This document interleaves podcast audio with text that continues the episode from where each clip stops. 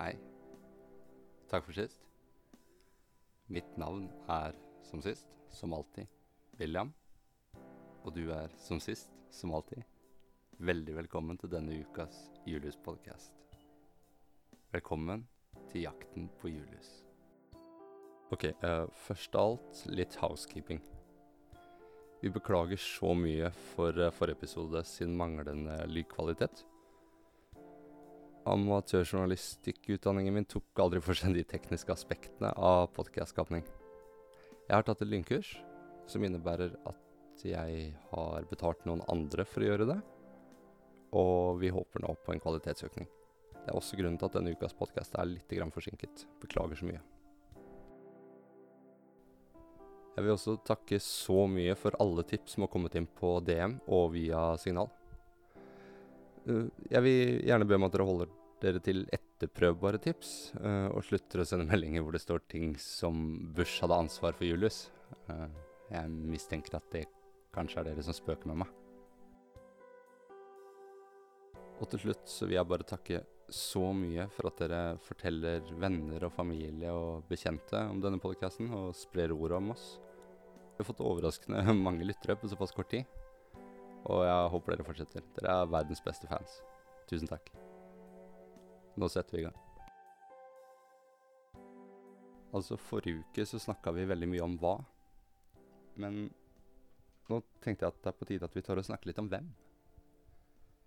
Hvem er egentlig Julius? Julius ble født eh, 26.12.1979 i Kristiansand dyrepark. Han eh, har en ganske tragisk, fartsfylt bakgrunn. Eh, Jeg henter forresten alt det her fra Wikipedia. De informerer om at han ble avvist av moren sin, og at han måtte hentes ut fra sjimpanseflokken. Han hadde fått bitt av en pekefinger, og hadde først en periode hvor han bodde hos dyrlegen fordi han måtte pleies.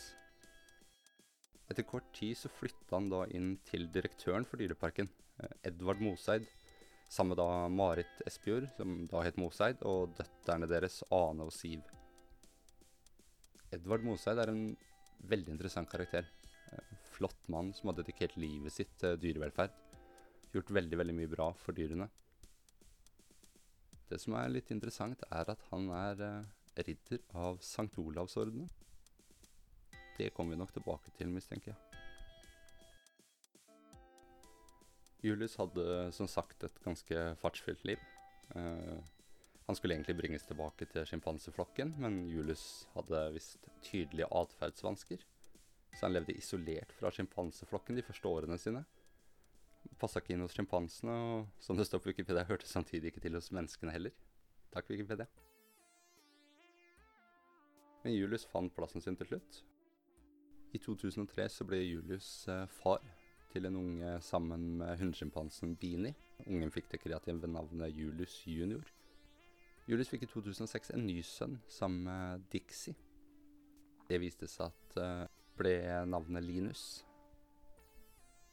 Det interessante med, med Linus er at eh, 2012, da han var eh, fem år gammel, så ble han funnet druknet i vanngraven ved innhegningen. Det er direkte fra Wikipedia, ikke jeg som finner på.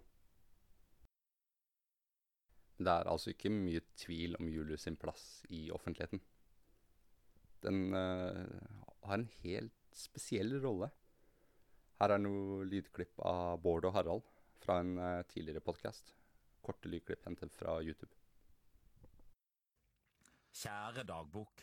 Jeg sitter og ser på bildet av den fleipete apekatten Julius som er hengende på toalettet. Det er bildet av den fleipete apekatten Julius som sitter på do med et virvar av dopapir rundt seg.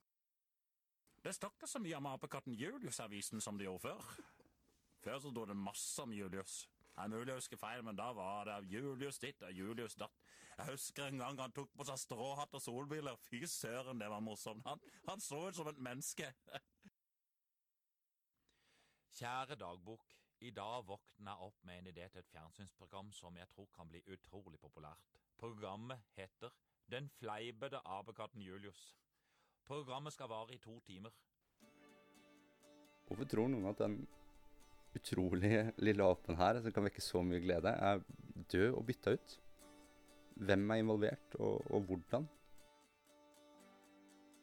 Først av alt så er det jo åpenbart at Julius er Dyreparken sin viktigste attraksjon. Har tømmerrenna sin egen sang? Har tigerne en personlighetskult rundt seg? Nei.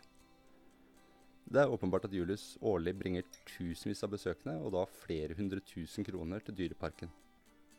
Daglig så er det folk som gjør mye verre ting for mindre penger enn det. I tillegg så har Julius blitt omtalt av sine nærmeste som en sjimpanse med en mye sterkere frihetstrang enn de andre sjimpansene. Han har stukket av flere ganger og funnet veien til bl.a. restauranter. For noen år siden så stoppa det her helt plutselig. En dramatisk eh, personlighets- og atferdsendring. Og det er noe man sjelden til aldri ser hos eh, såpass gamle sjimpanser. Og hvorfor har Julius sakte, men sikkert blitt avløst fra sine offentlige plikter? Den offisielle forklaringen er at Julius skal få være mest mulig sjimpanse, men, men hvorfor akkurat nå? Hvorfor slutta Julius å prøve å rømme samtidig som han ble tatt av TV? Fordi han skal få være sjimpanse, eller fordi han ble umulig å kontrollere, satt en stor inntektskilde i fare og måtte byttes ut? Ble Julius egentlig drept? Den siste store hendelsen eh, vi hadde, var et uh, drapsforsøk i 2019. En mann prøvde da å forgifte Julius i et uh, attentat vi kan kjenne igjen fra thrillere fra Jason Bourne-serien. Og, og, hvem ønsker å drepe folkehelten og publikumsfavoritten Julius? En forvirret mann, eller en som desperat forsøker å få ut sannheten? En som jobber for Dyreparken? Altså det er svært usannsynlig at mannen umerka fikk smugla gift inn til et sted, et fort, bygga for å beskytte Julius. Eller for å holde ham fanga. Hvordan kom han seg inn? Kanskje det var bevisst? Kanskje han var en tidligere ansatt? Innleid? Forstyrra? Begge? En sørlandsk Lee Harvey Oswald? Neste uke så har vi noe eller noen som kan svare litt. Tusen takk for at dere hørte på. Jeg er, som i starten av episoden, som forrige uke, som alltid, William. Dere er verdens beste lyttere, og vi snakkes neste uke.